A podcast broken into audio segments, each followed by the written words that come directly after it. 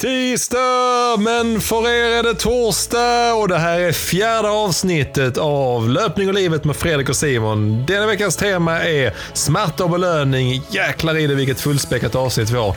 Ni ska få höra om vår fantastiska maraton och halvmaraton i helgen och dessutom hur vi belönar oss på bästa sätt. Nu kör vi!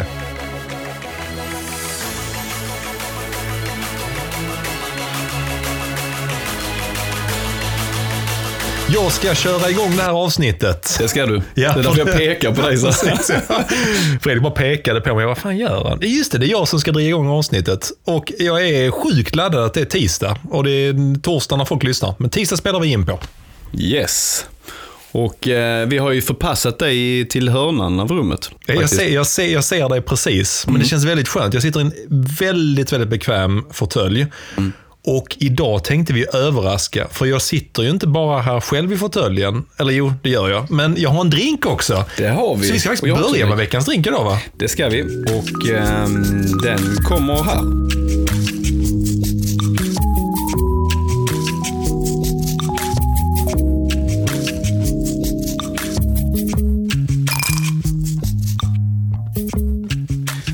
Nu är det så här att vi befinner oss i Boston idag. Och i Boston låter det alltid så här. Då.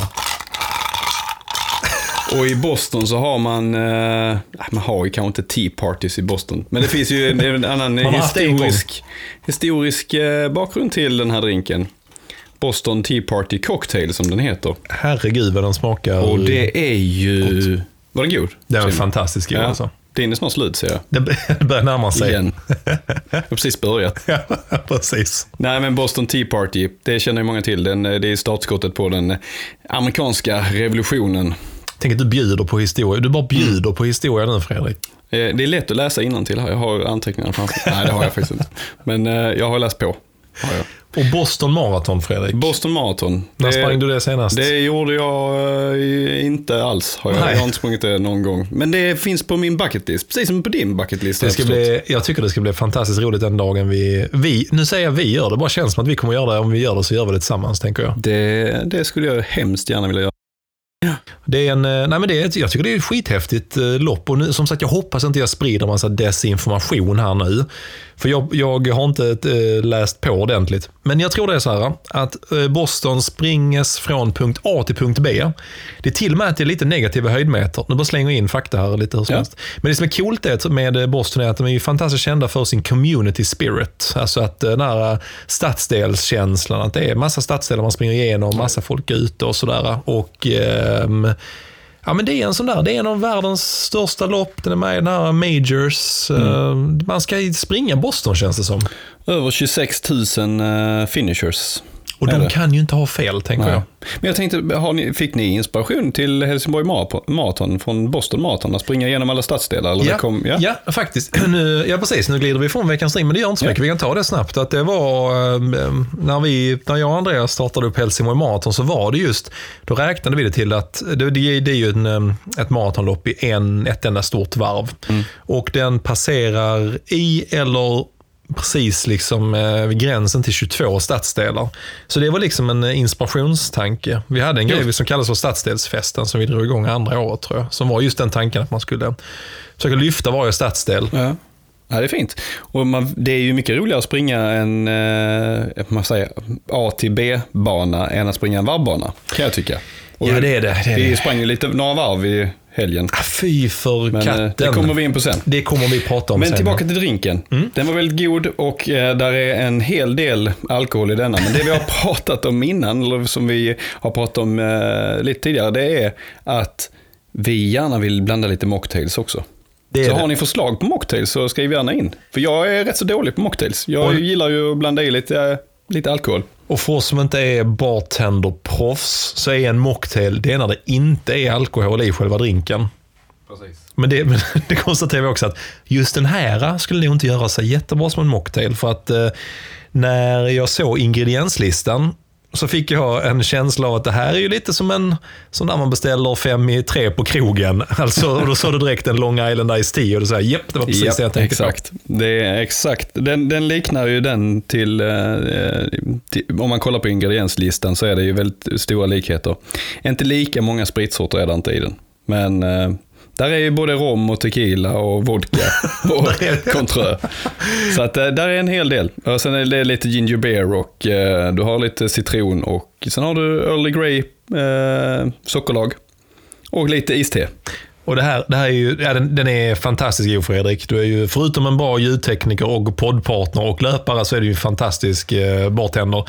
Och vi ska återkomma till lite grann drinkar och sånt där sen. För att dagens tema har vi nämnt i introt. Det är ju smärta och belöning. Och det här är ju utan tvekan Smärta. 90, 99% smärta och 1% belöning i den här drinken.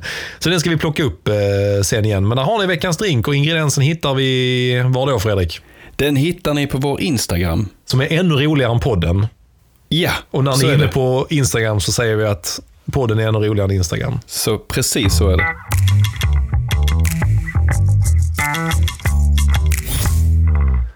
Äntligen ska jag få trixa och knepa och trixa. Och fixa. Det, det tycker du är kul. Och showa. Jag tycker det är jätteroligt. Nu har jag ju faktiskt ingen aning om vad som ska hända. Nej, Men, det är det eh, jag gillar när du inte har någon aning om vad som ska hända. Och jag får, jag får lov att ratta runt här med mina leksaker. Det är kul. eh, nu är det så här att eh, nu har vi kört veckans drink och det kommer vi fortsätta med. Jag har varit så imponerad över din maratonlista här nu. Så vet du vad jag ska dra igång Fredrik? Nej, berätta. Veckans öl. Är det sant? Och bara så länge jag har bra content. Så vi vet inte hur många veckor det här kommer, det här kommer vara. För att veckans öl kommer också anknyta till maraton. Och eh, den första veckans öl, kommer, det kommer inte vara lika uppstyrt som veckans drink. Jag tänkte så här, vad ska vi då ha för maratontema? Då får vi ju ha lite kända maratonlöpare som delar med sig av sina bästa öltips, tänkte jag. Ah, smart. Så tänkte jag. Eh, tyckte jag kunde vara kul. Sen Mm. tänkte jag så här, fan det är inte så många som, som, eh, det är inte så många som dricker bärs kanske, maratonlöparna. Är det inte det? Men det är det, vet du. jag då, drog jag, då drog jag i mina nätverk här. Så att, vet du vad Fredrik? Här har jag med mig. Nu plockar du han ser fram ju, det är ingen annan som ser, men ni hör att det prasslar. Och du får komma och hjälpa en gammal gobbe här nu. Ska jag komma och hjälpa dig? Ja, du får komma och hjälpa Mm. mig. Kom. Så, nu kommer Fredrik bort och hjälper mig. Här har vi första veckans öl. Det är en Sierra Nevada Pale Ale. Och då ska jag berätta var, eh, vem det är som dricker den här.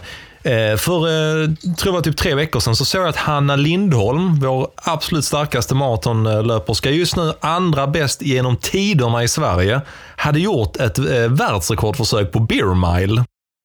Va? Ja, hon hade gjort ett världsrekordförsök på Beerman. Jag, hade, jag bara, vad fan är detta? Jag såg hon, Det är hennes ju- tränare Per Synnerman, hade varit ute och härjat där. De bommade tyvärr, men jag tyckte det roliga Det var var, att jag, är, jag, är så, jag, jag gillar ju öl. Mm. Så när jag såg den videon så här, är det en jävla Sierra Nevada hon försöker pumpa i sig? Det är inte konstigt att hon inte fixade, fixade det. Den är rätt tung liksom. Är den det? Jag har, jo, jag Men kanske har druckit den. det roliga är att det här är mina, en av mina absoluta favoritöl. Ah, så jag skickade okej. till han och frågade, jag sa två gånger, hej, alltså, vi, vi har, för jag har nämligen eh, intervjuat han en gång i tiden för eh, ja. Runners World. Ja. Och eh, en parentes är att jag var alltid, alltid varit fascinerad av henne ända sedan hon svarade på frågan. Jag ställde frågan, under ett maratonlopp, vad tänker du på? Så sa hon, ingenting. Ingenting. Det tyckte jag var så jävla befriande. Totalt tomt. Hon bara. försöker tänka på ingenting och det tyckte jag var rätt härligt. Ja. Så jag har gillat Hanna ända sedan dess. Sen har det ju bara gått, eh, jag intervjuade hade hon precis gjort 2.36 i Dubai. Nu har hon gjort eh, 2.28.59. Och sen läste du att hon skulle springa en bear mile och försöka slå rekord. Alltså. Och då, då bara... Och vi måste ju bara snabbt förklara. En beer mile, det är alltså när du ska, du ställer upp fyra bärs på en eh, 400 meters bana. Du dricker en bärs, springer 400 meter. Dricker en bärs, springer 400 meter. Dricker en bärs, springer 400 meter. Dricker en bärs, springer 409 meter. För det ska bli en engelsk mile. Just det. Så 1609 meter tror Ja. jag det är. Så dricker du fyra öl. Du blir diskad om du spyr. Eh, det har hänt. eh, så, så det är ju liksom tuffa är att få i sig de här och få dem att stanna nere under tiden man springer. Eh, men så Sen måste du att- vara jäkligt duktig på att dricka snabbt. För att du, du inte en tappar för mycket tid. Du är en konst, för du har en här 20 meters transition area. Så att när du kommer liksom mot eh, varvningen så plockar du upp din öl, dricker den i princip gåendes över de här 20 meterna. Häller den upp och ner, tömmer den upp och ner och visar att den är tom och sen springer du vidare på nästa varv. Och det går fan fort, de som är duktiga på det. Så Hanna hade gjort det och då var det en sån här Sierra Nevada Pale Ale som hon hade druckit. Så det är kopplingen till maraton. Det är en av mina favoritöl. Det här är veckans öl, Fredrik. Och nästa vecka, då kommer vi ha en annan känd maratonlöpare som delar med sig av sin öl helt enkelt. Det här var, det här var ett superbra inslag Simon. Ett superbra inslag. Ja. Så vi säger, eh, Hanna, tusen tack för tipset på denna. Vi ska njuta av den. Ska lägga upp en eh, bild på vår eh, Instagram också och eh, att hojta till om du vill ha hare i nästa Beer Mile så eh, hänger jag och Fredrik på. Skål! Alright Fredrik, nu har vi tagit, eh, precis pratat om veckans öl, en del i blödningen. Och nu ska vi fortsätta lite grann på det temat. För vi har haft fem snabba innan. Och vi har snackat lite grann om att det är kul att ha lite variation i de här inslagen. Så idag ska du få svara på lite quiz. Oj. Det är fem frågor. Och jag kallar den här för Vad säger coach Garmin? vi, vi älskar coach Garmin, jag och Fredrik. Den, den, den, den säger massa konstiga saker till oss. Jag har tagit fem exempel från, från min träning, från verkligheten. Jag kommer beskriva scenariot. Sen ska du gissa, vad, vad säger coach Garmin efter det här helt Ja, enkelt. absolut. Och coach Garmin är ju, är ju klockan då, alltså. Garmin, Garmin helt Precis. enkelt. Eh, Okej Fredrik, jag är scenario ett. Ja. Alla är tagna från verkligheten vill jag påminna om här nu. Eh, jag har precis eh, mitt uppe i min maraträning mot Hamburg. Jag kommer hem från ett 33 kilometer långt långpass i snålblåst och regn i eh, februari månad. Jag har tagit en lång härlig dusch, plockat fram en croissant och en kaffe, sätter mig ner i soffan. Vad säger coach Garmin? Oj. Jag gissar ju spontant att det inte är något jättepositivt. Utifrån hur du lägger upp det. Eh, men jag skulle säga så här, typ söndag är, in, är din minst produktiva dag. Åh, det är en bra gissning, men det är rör på dig! Okej, okej. Du har ju varit ute och knappt gjort någonting idag. Rör på dig. Ja. Fan. Nej, synd. Nu, du, behöver, du behöver bara skrapa ihop ett poäng för att få pris. Ah, okej. Och jag har inte bestämt priset än, men det kommer under tiden. Okej, scenario två. Du har tillsammans med några vänner satt ihop ett två veckors träningsläger på hemmaplan. Du kanske känner igen där, du var ju med på det nämligen. Precis. Ni springer och springer och springer, tre kvalitetspass i veckan, dubbelpass, långpass och så vidare. Vilken öppen dörr sparkar coach Garmin då in när den skriver på din träningsstatus? Överdriven. Överdriven träning! Det är poäng till Fredrik. Snyggt! Yes. Den tittar, på din, den tittar på dina två veckor och tänker så här, du har kört 17 pass, känns som överdriven träning. Men den blir man ganska glad för att få. Den Alltså är man bara så, skitglad yes, för jag få." överdriver min träning. Du, jag kan säga att eh, efter den dök upp där under vårt träningsläger, jag kände så, vad fan behöver jag göra för att få den igen? Man vill ju ha den. Precis. På tal om när vi pratade om skador och smärta och sånt innan. Bra Fredrik, ett poäng. Eh, scenario tre. Fast nu har jag nu det här, eh, nu, personlig erfarenhet här. Jag har precis brutit min armbågsspets, fan inte rört på fläsket i tio dagar, lyckas med det ynkliga målet att nå 2000 steg på en dag. Då plingar det till i min telefon. Coach Garmin är på hugget. Vilken notifikation ger Garmin mig på mobilen? Eh, typ i stil med härligt, du är på gång. Åh, sny- bra jobbat! Du är på gång! Tio dagars helvila, jag är uppe och rör mig för första gången och säger en bra jobbat, du är på gång. Vad känner du då Simon när du får Jag vill det? kasta mobilen i marken. Och sen är klockan kvar på armen. Alltså, jag, jag känner så här, det har varit superspännande att träffa alla de här ingenjörerna som jobbar med AI och data science. Är det löpare tror du? Det tror jag inte. Det tror jag inte. Snyggt. Scenario fyra. Eh, när du, du var med på det, så jag beskriver den så här. När du precis har kört ett stenhårt pass på heden som lyder 2000 meter, 1800 meter, 600 meter, 1400 meter, 1200 meter, 1000 meter med 200 meter joggvila. Totalt sett har du avverkat 10 000 meter på 38,27 inklusive joggvilan. Du har värmt upp 5 kilometer, joggat hem 5 kilometer, ställer dig i duschen och gråter en stund. När du kommer ut, vad ger Garmin dig för notifikation? Eh, Den ger dig... eh, Oh, den var svår. I, ej produktiv. Du, den hade kunnat vara det. Men här, du var inne på det innan. Oj! Utropstecken. Lördag är din minst aktiva Ah, där- dag. där kom den. Sen Där vill den trycka till och ställa följdfrågan. Varför? Varför? Ska man svara då? Var svarar man Det är det? ju precis det jag undrar. Vad fan svarar jag? svarar varför. Jag har precis sprungit 20 kilometer. Vad fan? Man vill ha en dialog med klockan. Men Jag vill ha inte. dialog. Mm. Sista scenariot Fredrik. Nu fuskar jag lite och går in på Strava. Men det är ungefär samma sak som coach Garmin. Okej. Jag har precis sprungit en fullblodad, ruskigt tuff 10 000 meter på förmiddagen på bana. Han har snittat, jag har snittat sex slag under maxpulsen och haft en nära döden-upplevelse av trötthet. Jag lägger mig i gräset, hör mobilen synka passet, får min första like på Strava. Men vad har Strava döpt rundan till? Uh, den har döpt det till uh, Helsingborg jogg. Nästan. Lunchrun. Lunchrun. Alla Stravas experter tittar på ansträngningen och säger det här måste varit en lunchjogg. Han har sprungit och ätit samtidigt. Det syns. Han har inte tagit i. Precis. Bra jobbat. Och tack för den. Vad säger Coach Gorman? Färdig för denna gången. Tack ska du ha.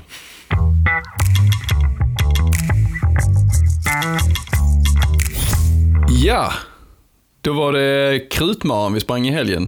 Det är ju ett jäkla namn för övrigt. Jag fattar inte. Jag, jag fattar inte. Jag trodde att hade, alltså man tänkte att man döpte den för att det var krut. Så, oh, coolt. Ja. Men det är det ju inte. Nej, men Krutmöllan va? Ja, det finns något som heter Ja. det. Jag vet inte varför den heter Krutmöllan. Men Vi kan precis. inte gå in på det för vi kan inte förklara vad det är för något. Men eh, det är ett lopp i alla fall. Ja, men det är det. Som är, ja, men det är några eldsjälar som har dratt ihop en, en tävling utanför Kävlinge. Som går en, en 7 kilometers varvbana mellan Kävlinge och Örtofta. Nu tyckte jag det var väldigt, Lund. nu tyckte jag det var väldigt eh, vänlig att kalla för varvbana. Alltså det är en cykelstig. Det är en smal cykelstig man springer fram och tillbaka på. Du springer ju på högra sidan Precis. i motvinden mot ja. Kävlinge och sen vänstra sidan mot Örtofta. Det blir ju ett varv. Det, blir, det tekniskt sett är det en varvbana. Ja, det var snyggt tyckte jag. Ja, ja. Eh, och det var, eh, det, men det var ju jäkligt schysst. Och det, nu snackade vi lite om det här innan för att jag, eh, vi började ju på varsin ände av den här varvbanan. Mm. Maratonloppet, jag kommer fortsätta säga maraton för det är så gött. Maratonloppet eh, som du sprang startade ju längst borta på ena sidan. Precis. Och jag startade- I Örtofta. I Örtofta, just det. Ja. Och jag startade på andra sidan i Kävlinge. Då. Ja. Ja. precis. Men det roliga var att den ena vändpunkten var ju faktiskt att man sprang runt i ett litet kvarter, kom tillbaka igen på Mm. samma stig. Men på, på den andra sidan, och jag, jag uppfattade inte riktigt vad det var, jag var nog trött. Jag trodde det var någon, sån här, någon Sprite-burk, man bara, man bara rundade. Alltså, En här, signerad sten. en signerad sten var det av någon maratonlöpare. Ja, Kjell-Erik Ståhl. Vi tror att det är Vi, ja, det vi, tror vi jag. säger att det är Men det låter rätt rimligt, för han, Mm. han, är, han är från trakterna på något sätt, eh, vet jag. Så att, eh, Men det var ju helt fantastiskt att det blev av överhuvudtaget. Det var det Eh, I extremt. de tiderna som, som det är nu. Och eh, Ja. de fick kämpa hårt med att få tillstånd och så vidare. Men de skötte ju det exemplariskt med, eh, alltså det var ju coronasäkrat, verkligen. Det var ju inte många som var med, det var ju, vi värmde upp separat, nu värmer man kanske inte upp så mycket till ett maraton. Jag sprang Just det. 600 meter sprang jag. Jag tänkte just fråga dig hur mycket värmde du upp? Ja, jag, jag Det- reggade på Garmin också, 600 meter. Snyggt. Ehm, Hur mycket joggade du ner då? Jag joggade inte ner någonting, Simon. Jag gick till bilen, Du får smärta fick bära dina grejer Ja, just det. du är halta. Men det kommer vi kanske in på sen. Eh, nej, men det var ju helt underbart att få, Mm. Få, få tävla. Och det var inte så många, det var som du sa, det var extremt coronasäkrat. Mm. Eh, Jag räknade till och med ut där för övrigt. I snitt så hade vi 300 meter var som deltagare på den här eh, själva. Det var i, Ah, snitt var det 300 meter mellan varje deltagare. Mm. Så det kan man ju känna att det var ett, eh, ett bra avstånd. En rolig detalj kring tävlingen också, det var att vi sprang förbi, det var ju väldigt fint. Ja, det var det. så Det var här, det. eh, Absolut. Jag vet inte vad de heter. Eh, Kor. Ja, det var inte kor Simon. De hade... eh, Golf- golfspelare. Ja, det var några djur längs banan. Det var väldigt fint. Ehm, och sen var det ju en golfbana där också. Och det jag fick reda på sen var ju att de fick ju inte slå ut när det var någon på cykel, cykelbanan. Jag tyckte det var konstigt. Jag tänkte fan, nu får man ju passa sig så ingen skjuter en boll på Ja. en. Men det gjorde det ingen, men nu fick vi förklaringen Ja. till det. Då kan man bli portad från golf, eh, den här golfklubben tydligen. Men, eh, men, men så var det. Eh, Men det var inte golf vi skulle prata om, vi skulle prata om lite maraton och maraton. halvmaraton. Mm. Hur, känns, hur, kändes det för, hur kändes det för dig när du stod på startlinjen? Mm. Efter mina 600 meters uppvärmning Precis, kände jag mig du dig eh, eh, uppvärmd och rörlig. Eh, nej, men jag kände väl, eh, alltså träningen gått jättebra. Jag är en, åtta veckors komprimerad maratonsatsning. Som alla gör. som alla borde göra, för det var väldigt roligt. Ehm, så kände jag ändå att jag hade en, enorm chans och möjlighet att uh, fixa uh, mitt mål. Sub 3. Lite orolig var jag utifrån vinden. Vi hade 10 sekundmeter uh, och 17-18 i byarna. Det var, ja, det var rätt påtagligt. Mm. Det var ju vissa delar på banan där man märkte vinden mindre. Mm. Och sen var det ett parti framförallt. Ett parti som var ganska öppet. Där vid de här djuren som vi ska ja, kolla precis, upp. Ja. Bisonoxar. Bison, de, men du, bara en parentes. Mm. Visst fasen såg det ut som bisonoxar mer än kor? Eh, ja. Jag är ingen djurexpert, men de var... De hade en, eh, en ullig päls. Precis. Sånt tänkte, sånt tänkte vi på när vi sprang.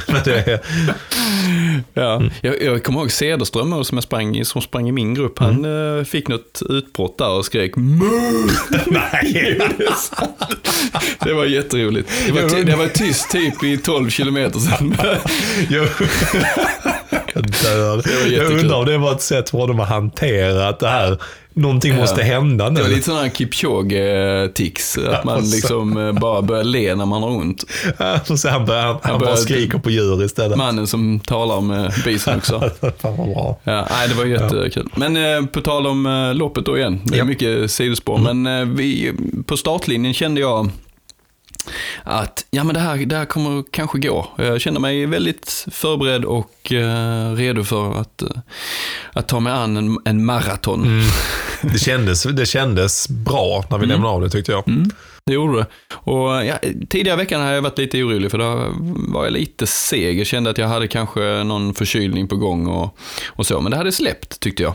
Uh, så att jag kom iväg bra där i, i loppet tyckte jag. Vi var några, eh, några stycken som satsade på sub 3. Eh, så att jag fick, eh, som tur var, mm. Eh, var jag inte ensam i den här vinden, utan jag kunde växeldra.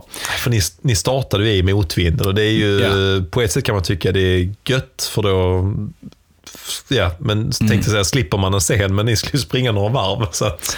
Precis, att, eh, där var ju, vi, vi försökte jobba mentalt i gruppen med att snart ska vi vända, snart blir det medvind. Uh, håll ut. Uh, det var egentligen det som vi försökte förmedla. Och jag tog väl den rollen i gruppen också att, att uh, peppa. Mm. Och eh, vara framme och dra och uh, jag, jag, tycker att det funkar bra för mig att aktivera mig själv med sådana saker. Mm. Att uh, prata lite och liksom hålla igång ett, ett gott, uh, gott humör mm. i, i, gruppen. det, det brukar jag försöka göra. Men är det lättare med när, det är, när man är en grupp, då? alltså ko kollektiv smärta, om det finns som mm. ord? Det borde finnas ett, det gör det ett uttryck Eller som vi, vi, vi har myntat den, kollektiv ja. smärta. Och det, och det är absolut, för då, då delar man eh, på samma börda på något sätt. Och det känns som att man eh, delar upp smärtan mm. mellan, eh, mellan de som upplever den. Och det tycker jag absolut hjälper. Märk, märkte ni någon som led ganska snabbt? eller var det liksom, var någon fräschare än någon annan? Nej, men alltså, det, det kändes som, vi var ju fem stycken, ska jag säga, en, två, tre, fyra, fem, ja, fem eller sex stycken som, som gav oss iväg på ungefär samma mm. tempo. Uh, och det känns som att alla var starka fram till runt ja, 2025. Mm.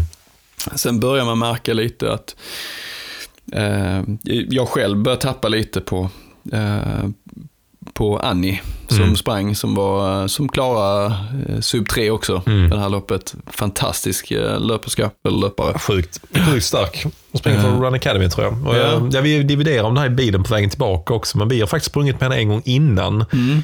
Nej, jag, jag tror jag sa det till Anna förresten när vi väntade in det. Så jag tror fan mm. det var hon som var sprang eh, kullaspring 10 000 meter när du satte ja, ditt pass på banan. I Höganäs ja. Ja, och så ja. Var, vi konstaterade att det var, det var hon. Hon ja. passade också på banan den dagen. Enormt starkt mm. alltså.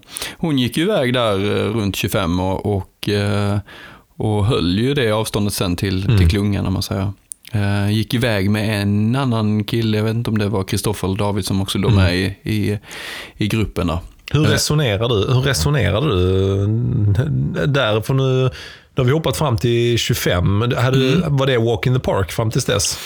Eh, jag hade en ganska medioker känsla. Mm. Alltså det var inte så här wow-känsla där idag har jag dagen, men det Mm. var heller ingen bedrövlig känsla. Så att det, det var ju ett... eh, Bedrövligt, det vill man inte ha. Nej, usch, nej, få den vid 10, 10 kilometer på ett maraton, det är ju inte det som man önskar sig direkt. Men, men, eh, nej, men jag hade väl en helt okej känsla. Jag hade ändå en förhoppning eh, kvar eh, att jag skulle klara det där runt, runt 25. Eh, men med mina tidigare erfarenheter kring maraton så vet jag att allting kan hända. Eh, och allting kan gå åt helvete. Tyvärr, det kan bara bli sämre, är det vi har konstaterat. Det är väldigt sällan det blir bättre. Eh, och ehm, jag fick ju eh, liknande problem denna gången också. Tyvärr. Jag tryckte i mig skit. mycket energi. Jag hade räknat fram hur mycket jag skulle behöva trycka i mig och det var ju en 3-4 gel i, i, i timmen Mm. plus, plus då vätskan. Och det, det försökte jag följa. Sen är det ju alltid en, en a thin line där med magen. och att, att man verkligen ska kunna stå ut med att Mm. med att trycka i sig så mycket och det är man kanske inte så van vid utifrån när man tränar så använder man, ja visst Mm. nu har jag kört lite pass med, eh, med, med energidryck och, och gel men, men magen är inte riktigt van på Mm. det sättet. Så att jag var ju lite nojig där också att, Mm. att det skulle hända någonting med magen. Men var låg du på smärtskalan efter, eh, efter halva? Liksom? Ni, passerar ju, ni låg ju prick på, prick på i princip tiden ni skulle ha. Mm. Ja, precis. För mig. Anna sa, eller det var Jeanette som sa när ni passerade halva, att ni, nej, ni var fem sekunder under eller Ja. något sånt. Liksom. Ja, precis. Eh, Och, nej, men vi hittade ju ett, en, bra, en bra rytm där i gruppen och liksom kunde hjälpas åt. Men smärtskalan där, ja, på en eh, 10-gradig skala så skulle jag säga att jag kanske låg på 5-6. Och Det är ju, det är ju gött Ja, ändå. men det, det, är, det är ju där man vill ligga Mm. efter typ halva. Ja. Så att eh, jag kände väl att eh, nej, men det, här, det här kan gå vägen. Mm. Eh, sen är det ju så med maraton att det, liksom, det kan ju ske förändringar ganska fort. Eh, och det gjorde det för mig. Skrattar jag Ja, precis. ja. Du vet ju vad som hände. Ja. Nej, men runt, eh, runt 30-32 så fick jag börja hugga i, i hög, högre, hög, min högra vad. Eh, och ehm, det är ju, när jag har varit med om det tidigare, att jag har fått liksom, stanna och bryta lopp och så vidare på grund av kramp, så är det ju ingen rolig känsla att, att, att få där. Så det var, det var en riktig käftsmäll faktiskt. Och hur blir det? Jag tänker, för jag har ju faktiskt aldrig haft, jag har haft krampkänningar när jag har sprungit, men jag har aldrig haft Kanske en gång när jag sprang eh, backen vid kinesiska muren här i Helsingborg. Då högg det till. Men annars har jag bara haft känningar på mina marar. Jag har aldrig liksom fått, du har ju haft lite oflyt och faktiskt fått det. Alltså nu fick du det då med ja, men 8-10 kilometer kvar. Det, det satte sig, skrattar jag förlåt, satte sig i bägge vaderna till sist. Bägge vaderna och baksidor. Äh, fan, men hur, alltså hur, hur resonerar du då? För det, du, Mm. det, hur känns det att springa med kramp? Går det att springa snabbt?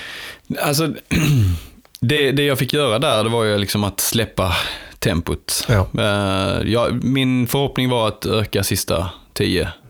Eh, istället så fick jag då gå ner på kanske 4.25 och jag skulle ligga på, Mm. jag, menar, jag, jag tror jag landade på 4.22 snitt kanske på sista Ja. 10.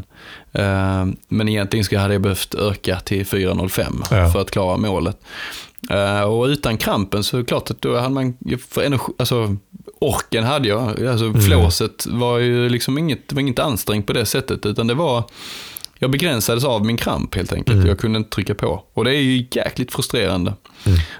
Eh, att känna att man, nej men jag, jag har inte möjlighet att, att eh, ta in de här sekunderna, utan det är bara att överleva och komma i mål. Eh, sen vet jag inte om det finns någon uh, mirakelkur eller någonting man kan dra i sig där. Jag har ju testat rätt så mycket Du har testat olika med- saker. Har pratat om cramps away, jag tror Ja, vi pratade precis. om förra avsnittet. Och sådär.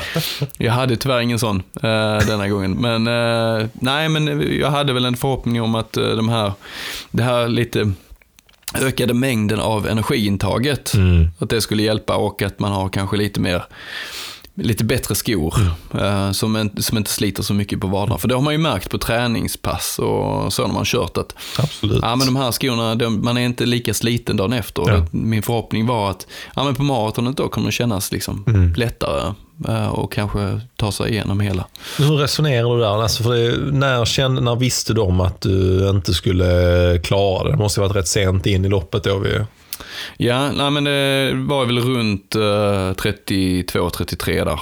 Och nu ska vi bara, vi kan, bara, vi kan spoila den direkt. Så du sprang in på 3.01.44. Ja. Vilket är en fantastisk tid, för du orkar ju ändå hålla uppe du går inte in på 3.18 och går in i mål med liksom Nej. mer kramp i bägge vaderna och baksidan. Så lyckas du ändå ta dig mål på en jäkligt fin tid. Och du passar med...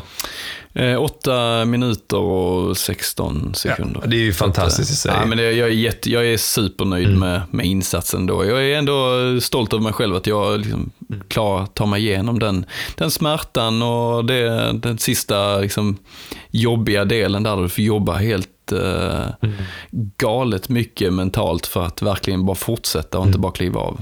För det, det tycker jag är eller, intressant, jag vet inte om det är rätt ord, men när du vet om att du inte kommer klara målet, eller du, när var den kritiska gränsen för dig? Uh, ja, alltså det, det, var ju där när jag kände liksom att det, det började hugga till frekvent i, i, i bägge vaderna. Då kände jag att ja, men det, det kommer inte, jag kommer inte kunna öka tempot. Nej. Jag tänkte några gånger att ja, jag kan gå ner och springa på 3.55. Jag kommer mm. liksom, det kan gå. Men uh, när jag kände liksom att så fort jag tryckte på i steget så kom krampen. Och, ja. Och då var det bara att lägga sig i det tempot som där, där jag inte fick krampkänningen. Mm. Och det, det var runt 4.22 i detta fallet. Då är det, liksom, det är ju den fysiska delen av Mm. det. Men Sen vet jag inte om det finns löpare som springer med kramp. Alltså de låter, liksom, låter det det vore ju väldigt krampa intressant. igenom helt och hållet. Det, vore väldigt intressant att Är det någon som veta. har sprungit typ 10 kilometer med liksom en stel vad? Och ändå krampar? lyckats liksom...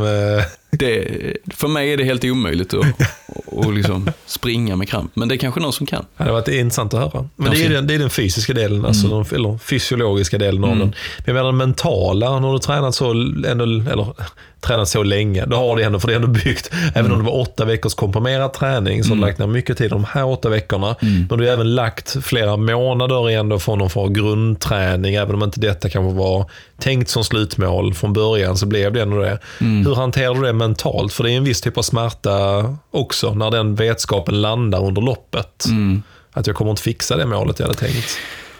Ja, men alltså, någonstans så kände jag väl att eh, vi, jag hade redan reviderat mitt mål, för jag hade 2.55 som, som mål från början. Och sen vinden då, eh, 10 sekundmeter och 17-18 i byarna, så kände jag att ja, men sub 3 är riktigt bra idag. Eh, så jag hade väl redan ställt in mig lite på att uh, okej, det är inte riktigt rätt förutsättningar. Och det kan vara därför jag får kramp också, för att man kanske slet lite hårdare i vinden. Ehm, och det kanske var det som gjorde att jag fick eh, eh, ja, men att jag tog ut mig lite mer än vad jag hade behövt kanske på en, en dag när det varit eh, bättre förutsättningar helt enkelt. Eh, men men som, som tiderna är nu så är man bara glad att man får, får tävla överhuvudtaget. Och, och, eh, nu blev det kanske ingen officiell tid, men eh, ändå väldigt kul att se att man kan komma ner och närma sig sub 3, som jag vet att jag kommer att klara någon dag. Var, jag tänker under hela, man tittar på hela loppet som sin helhet. Hur jobbigt var det att springa ett maraton i söndags? Alltså, skulle jag plocka bort krampdelen Ja. så det är, var det faktiskt inte jättejobbigt. Fy Om jag ska fan, vara det helt är- ärlig. Och, och, men det är, det är för att jag har lagt en väldigt bra grund. Uh, sprungit många eh, tuffa pass. Jag har haft något upp mot 40 kilometer i 4.30 fart. Eh, vilket liksom nästan är det loppet jag gör nu. Eh, Inte långt ifrån. Jag hade 4.17 i snitt nu. Eh, så att eh, jag var ju, har ju aldrig varit så förberedd som jag var nu.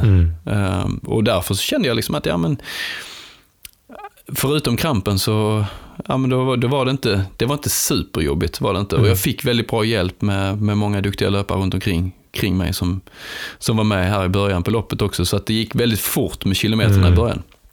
Men hur definierar det? Jag tänker så här, för att hur definierar du smärta? För jag menar nu har du, alltså att springa ett maraton tror jag de flesta tycker att det är ju rätt jobbigt.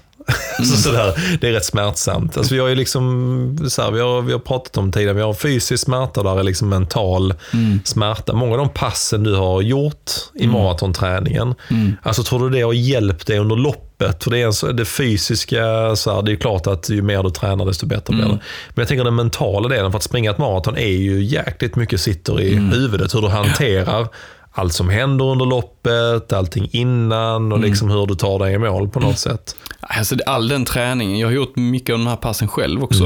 Eh, där jag har varit ute och, och fått arbeta, med, äh, verkligen arbeta med, äh, med mina tankar kring äh, liksom, varför gör jag detta? Mm. Uh, varför är jag här ute och springer i, i tre timmar? det är riktigt filosofiskt det där. Ja, men och, och det är någonstans så har man ju fått bygga upp målbilder. Att man liksom, du ser loppet framför dig och du, mm. du vill ha den här känslan att stå på starten att ja, men jag har gjort jobbet. Mm. Uh, och, och, det har jag väl jobbat stenhårt med. Så jag skulle, jag skulle säga att den träningen som jag har, jag har uh, genomfört nu de här åtta veckorna, den har ju varit extremt uh, berikande mm. mentalt. Jag har blivit mycket, mycket starkare mentalt, tycker jag. Och det är, det, det är någonting som jag tror kan vara mer långvarigt än själva den fysiska, uh, den fysiska delen. Är det, är det lättare att överkomma smärta med en stark målbild då? Absolut. Har du en, en, en stark, tyd, ja, tydlig målbild, mm. att du liksom där ska jag vara. Du vet om att eh, du ser det framför dig, du ser det i bilder, du ser det i liksom, eh, ja, man seglar över mållinjen och, mm. och klarar det här målet. Alltså den, du måste, du måste känna, verkligen känna den känslan, hur det känns eh, i, din, i din målbild. Och den får man jobba med, det får du lägga lite tid på mm. faktiskt att skapa. Uh, och sen skapa små morötter uh, allt eftersom under träningsupplägget. Mm. Att jag har klarat etapp ett av träningsupplägget av fem kanske. Ja, men då kanske du ska belöna dig med någonting. Och det, vi kommer in på sen ja, med belöning. Jag, jag, tänkte på det här med, för vi, vi såg ju det, ja, vi såg det ett antal gånger eftersom jag, jag gick ju mål tidigare än dig så mm. du sprang dubbelt så långt. enkel, enkel eh, matematik. Men vi såg dig vid kilometer 28 Mm. Och då vet jag, jag sa, jag sa till Jeanette, vi hejar ju på dig mm. glatt och sådär. Sen efter sprungit förbi så fan han ser rätt sliten ut. Alltså det sa mm. Jeanette också att vi var inte, även om de sprungit det här 40 km passet, när de sprungit lite andra sådana, så att den enda gången jag har sett dig så, att du såg lite, nästan lite blek ut, liksom, så där, det, var, det var när du sprang de här 37 kilometerna, där de första 22 gick ganska snabbt. Mm. Och de sista 15 gick ännu snabbare ja. på bana på en timme. Men, att, eh, men däremot så var det någonting i din blick som man såg att oavsett om du, du hade en medioker dag, det, mm. det såg man på det. Det var inte mm. din bästa dag, men det var inte heller din sämsta dag. Nej. Men man såg att du hade Även om jag tyckte du såg sliten ut vid 28 och du var på tempo, så, så i din blick såg man att du, det spelar ingen roll idag. Alltså du har ett väldigt tydligt mål som du mm. håller på att jobba mot. Mm. Sen sätter krampen liksom fälleben mm. för det och det kan man inte göra någonting åt. Nej. Men det tyckte jag var jävligt intressant som en åskådare vid sidan om. Att det mm. märktes på det att du jag tror inte det hade spelat, hade det varit en annan typ av smärta som inte hade hindrat dig fysiskt, mm. så hade du överkommit den. Mm. Ja, men jag var väldigt inställd på, på att springa distansen. Jag var väldigt mm. förberedd för maraton, ska jag säga. Um, och jag hade jobbat rätt mycket med den mentala biten innan, på träningspassen.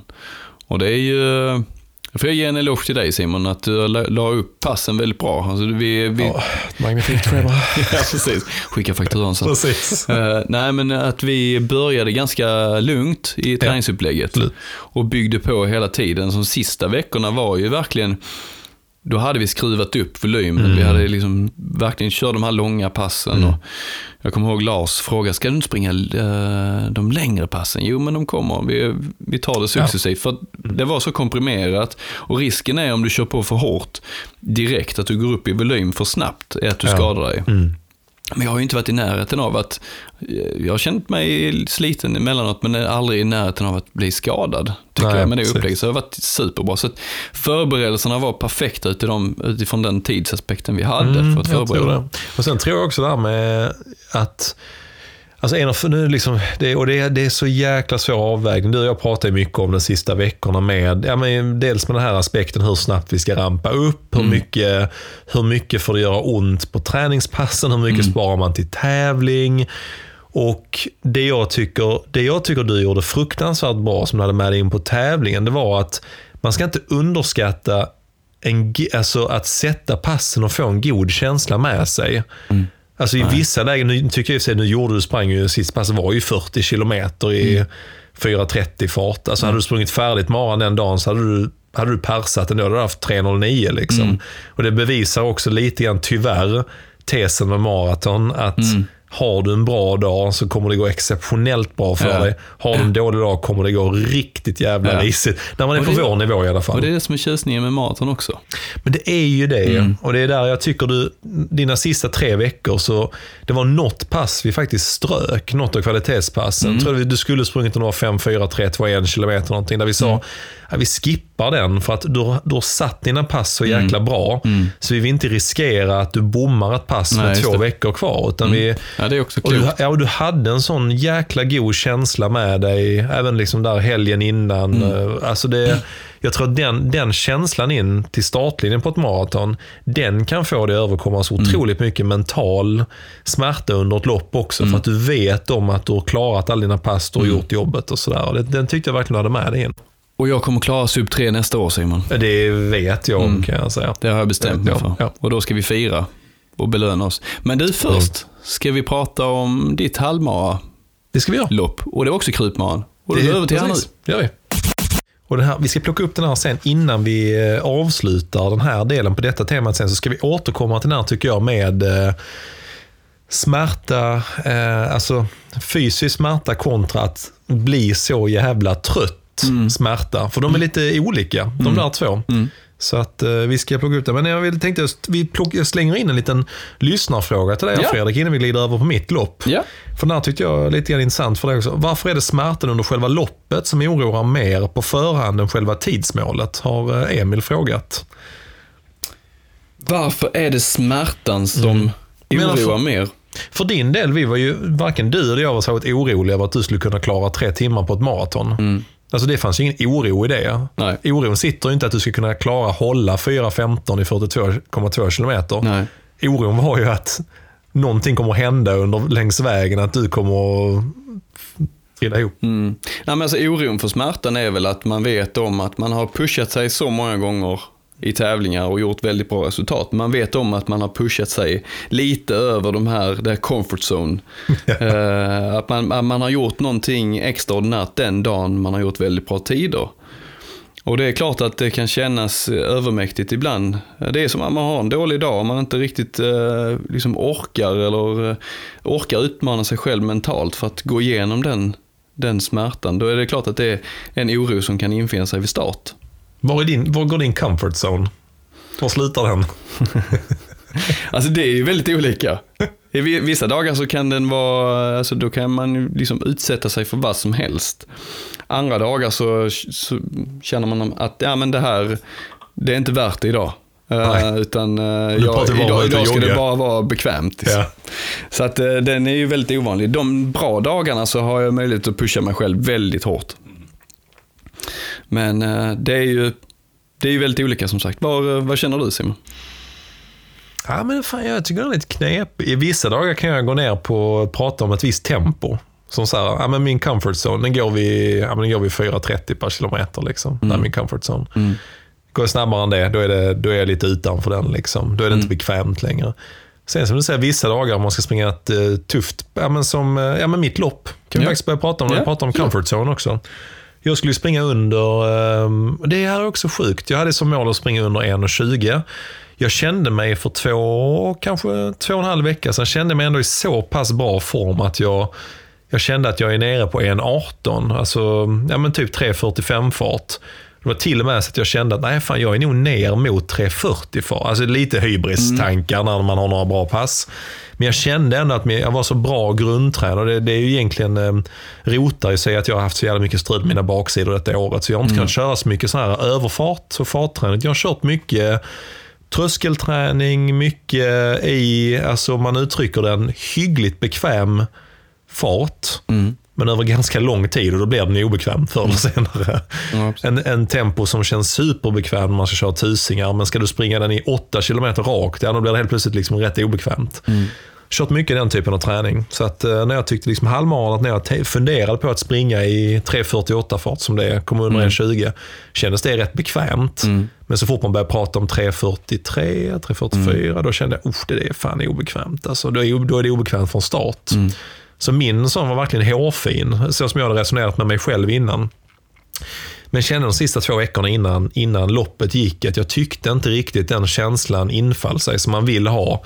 Alltså bra resultat på passen men eh, hitta liksom inte riktigt, jag hittade, jag hittade liksom inte riktigt den känslan och tyckte att det var lite smärtsamt under några av passen också, träningspassen mm. vi körde. Och då inte, inte fysisk smärta utan den här uthållighetssmärtan. Jag tyckte mm. att det var ganska jobbigt att springa. Jag satte mina pass. Typexempel hade vi en, jag eh, sprang 2 gånger 6 kilometer. Snittade 3.45 fart, det var ganska blåsigt. Men det var, det var lite för jobbigt. Mm. Jag kände liksom andra, andra sexan, jag slet sista tre. Och det är också jobbigt för att på den, jag vet om att jag fixar de här sista tre. Men det, jag kände att det var sån oerhörd ansträngning rent mentalt bara för att mm. klara det. Så man var helt uttömd efter passet. Och det är ju sån lite jobbig grej med halvmaran som distans tycker jag. Det är ganska jobbigt från start. Du vet kanske om att du klarar det, men det kräver extremt mycket av dig mentalt för att hålla ihop det liksom, tankemässigt. Mm. Mm. Så det var liksom en skön uppladdning så när man skulle komma till starten. Men är, är, det inte lite så Simon också att eh, de här lite längre uh, distanserna som halvmara och maraton, det är inte så att du utsätter dig riktigt för den distansen i träning. Utan du med. pusslar ihop pass för mm. att få ihop någonting som ska likna en halvmara eller en, en mara. Ja, men det, jo, men det är sant. Jag hörde faktiskt, eh, det var nog faktiskt i vår, nu tänkte säga vår systerpodd, men eh, på Maratonlabbet mm. hade, lyssnade jag faktiskt på en halvmaraton special. Jag, kom, jag tror att det var Lorenzo Nessi som var där och pratade. Han är landslagstränare för äh, långdistansgänget på äh, friidrottslaget. Liksom. Mm. Och han resonerade där kring hur de tränar och lägger upp halvmaratonträning och den var inte alls så som vi lägger upp till de tränarna. Och då, då pratade han om att ja, men de kör kanske så här ett 10 minuters block eller någonting annat. Det är väldigt sällan de springer en lång sträcka i halvmaratonfarten. Och det är samma sak på, på maraton också. Mm. Men där vi har liksom resonerat lite annorlunda i vår träning. Eh, där vi har kört Ja, men nu som två veckor innan körde vi den här timmeslöpningen på Heden. Alla mm. som skulle springa halvmaraton, vi sprang i princip en timme i vår halvmarafart. Eh, vilket också var tufft. Liksom. Mm. Så vi har ju tränat väldigt mycket sådana två gånger sex kilometer, en timme i den här eh, halvmaratonfarten och de, de suger rätt mycket energi. Och jag, det är lite så jag reflekterar nu att det kanske var lite för tufft. Vi kanske skulle hållit tillbaka lite grann. Men det får jag göra en analys av lite längre fram helt enkelt. Menar du att vi var lite slitna? Alltså till tävlingen eller vad tänker du? Ja, nu var det så här, vi hade, i träningsgruppen hade vi åtta som startade, ja. sju persade. Ja, helt, helt och jag var 15 sekunder över mitt pers. Ja. Så att jag kan samtidigt inte klaga heller på, mm. på någonting där. Utan det det är kanske bara en egen reflektion som jag har gjort. Jag vill ju gärna hela tiden att vi ska utvecklas och tänka till och bli bättre på mm. allt från eh, träningsupplägg till eh, vad vi gör i tävling och sådär. Mm. Så att, kanske en reflektion. Men eh, berätta lite om ditt lopp då. Mm, precis, ja, men vi kom till start och Fick en, eh, ja, men jag värmde upp med eh, Sebastian som, som springer för Eslöv. Man tränar en gäng med, en, ofta med Göta-gänget. Som jag hade varit iväg och eh, värmt upp när vi var och sprang SM på mm. Anderstorp. Jag träffade Johan Falk jag berättade om innan. Ja, men så vi, vi blev liksom ett gott gäng. Vi var fyra stycken som satsade under 1,20. Och direkt när vi, vi hade samma tankar om hur vi ville springa loppet. Vi ville inte springa för snabbt i medvinden första sjuan. För vi visste om vi hade ju flytet att ha två medvindar. Mm. Och jag kan väl tänka, alltså jag tyckte vinden var så pass påtaglig i motvinden. Så jag skulle säga att vi hade nog, vi hade nog ungefär samma förhållanden som om det vore vindstilla. Medan ni som sprang maraton fick ju en nackdel med vinden. Ja, ja. För med, alltså medvind, mm. alltså stark vind väger ju nästan aldrig upp tycker jag Nej. att det är så. Men däremot att vi hade två medvindar tyckte mm. jag det vägde upp lika mycket som det var i den. De tog ut varandra. Liksom. Ja, men precis. Mm. Så att vi hade ju, tycker jag, skitbra förhållanden egentligen. Mm. Um, och sen när vi kom iväg och det var, det var en sån där uh, en sån mellandag på uppvärmning. Alltså de flesta loppen är det är varken bra eller dåligt. Man är mm. lite orolig när man stegrar. Känns det, aha, det känns lite stelt och sånt där. Sen kom vi iväg och på andra kilometern, vi, vi snackade lite grann första fyra kilometerna. Jag inte så att vi liksom berättade våra livshistorier, men lite grann så här, vi utbytte några ord liksom och så här, mm. och det, det kändes Ja, men vi tittade på varandra och hela klungan, jag fick den här kollektiva känslan av att fan idag, idag känns det här rätt bra. Liksom. Mm. Så jag vet att när vi passerade femman, vi, låg, vi, låg, jag vet inte, vi hade kanske 3.47 fart och vi slår 3.48. Det bara kändes väldigt, väldigt starkt. Liksom, känns väldigt, väldigt bra. Ehm, och i medvinden, jag behövde liksom inte växeldra eller någonting. Jag hade inga liksom, eh, farhågor whatsoever. Utan det var ju mer man var nervös för hur vändningen skulle kännas när man kom tillbaka Ja, till motvinden. Mm. Men vi gled, gled ner där, vände runt eh, och då bestämde vi, vi snackade ihop oss på vägen tillbaka mot vinden och sa att vi turas om och växeldrar ja, 500, mellan 500 och en kilometer, 500 meter och en kilometer var. För vi var. Det var en som bara hängde på längst bak, men vi andra tre var ganska starka. Så vi växeldrog. Liksom, så att en gick upp längst fram, drog en bit, sen bytte vi, någon annan gick upp. Och eh, ja, men de första kilometerna, de första tre kilometerna gick ju rätt snabbt på vägen tillbaka. Vi höll nästan samma tempo i motvind som vi gjorde medvinden. Så vi passerade tian på ja, 37, 50 kanske, strax under vad vi skulle ha. Känslan var magnifik. Kändes riktigt, riktigt bra. Och sen så kom vi till den här golfbanan som du beskrev vid kilometer 12. Och då var det så bara, wow, här var det blåsigt. Ja. Och då känner man direkt att fan, pushar vi hårdare nu så kommer man få syra. Alltså det var så påtaglig motvind tyckte jag där, när det blev så öppet. Eh, Så att jag tyckte liksom smärtskalan där, jag, jag var nog inte heller över en sexa. Kändes skitbra liksom. Men sen det var lite oron med att få mjölksyra. Men det, det, vi hjälptes åt så då växlade vi snabbare. Vi drog en 500 i var. Sen var det en grej som hände med mig under loppet. Är om vi pratar om smärta. Och eh, vid kilometer 13, en kilometer innan vi skulle vända, så började jag få en, eh, började kännas lite grann min fot. Och eh, jag ska... Det är någonting som du har känt på träning också, eller hur var det? Ja, lite så. Jag ska vara ärlig och säga att det, alltså när man springer, vi springer ju mellan fyra och sju pass i veckan. Vi tränar mycket. Jag ska inte säga att vi tränar eh, hårt. Jag tycker ändå vi har en balanserad träning. Men vi springer två kvalitetspass i veckan ett långpass. Vi lyssnar mycket på kroppen och sådär. Men när man är i det läget som vi är med vi har pratat om i tidigare avsnitt av podden med jobb, alltså stundtals rätt så stressfulla jobb. Man kanske tar med sig det hem, vi har tre barn var, allting ska glida runt. Så märker man att det sätter sig lite i kroppen. Jag tror att det var lite grann det, jag kände det en och två veckor innan, att det satt, någonting satt lite grann i kroppen. Och sista veckan så började jag få lite så småkänningar i foten. Men då är det svårt att särskilja, är det en krämpa eller är det en begynnande skada? Ja, Och det enda jag minns att jag reflekterar över för att det, det kändes lite grann i mitt på foten eller under till och lite ovanpå och sådär. Och sen hade jag en dag, och det kan jag väl erkänna här nu, liksom, men när det var kanske fem dagar kvar till loppet, då hade jag lite svårt att det var inte så att jag haltade, det är en överdrift. Men om man tänker sig att man gör en tåhävning, man ställer sig på framtårna och så trycker man ifrån. Så hade jag lite svårt att göra det på högerfoten. Och min enda tanke var så ah, det är gött, det är säsongsvila. Snart får man märka att kroppen börjar bli lite sliten. Alltså det kändes som en krämpa. Alltså att det var, det var lite, lite sliten liksom. Så tänkte jag inte mer på det. Sen dagen för loppet så var jag också lite så eh, att jag hade svårt att stödja mig på den på morgonen lite grann. Liksom. Inte alls på den nivån att, att jag kände att Nej, men det är en begynnande skada, jag måste, jag måste pausa nu. Liksom. Utan sån morgonstelhet, du Ja, vet. ja. Mm. Gubbkänslan. Ja, precis. Eh, och den, började, den kom lite begynnande vid kilometer 13. Och så tänkte jag inte så mycket på det, för då, då hade man börjat bli trött. Så då är det mycket andra saker i systemet som man tänker över. Det blir som att kroppen gör en prioriteringslista. Vad gör mest ont ju- just nu? Och den var ganska långt ner. Sen vände vi i medvinden och eh, då drog den här Johan ifrån vår klunga, men vi andra hängde kvar. Men vi ökade ändå farten.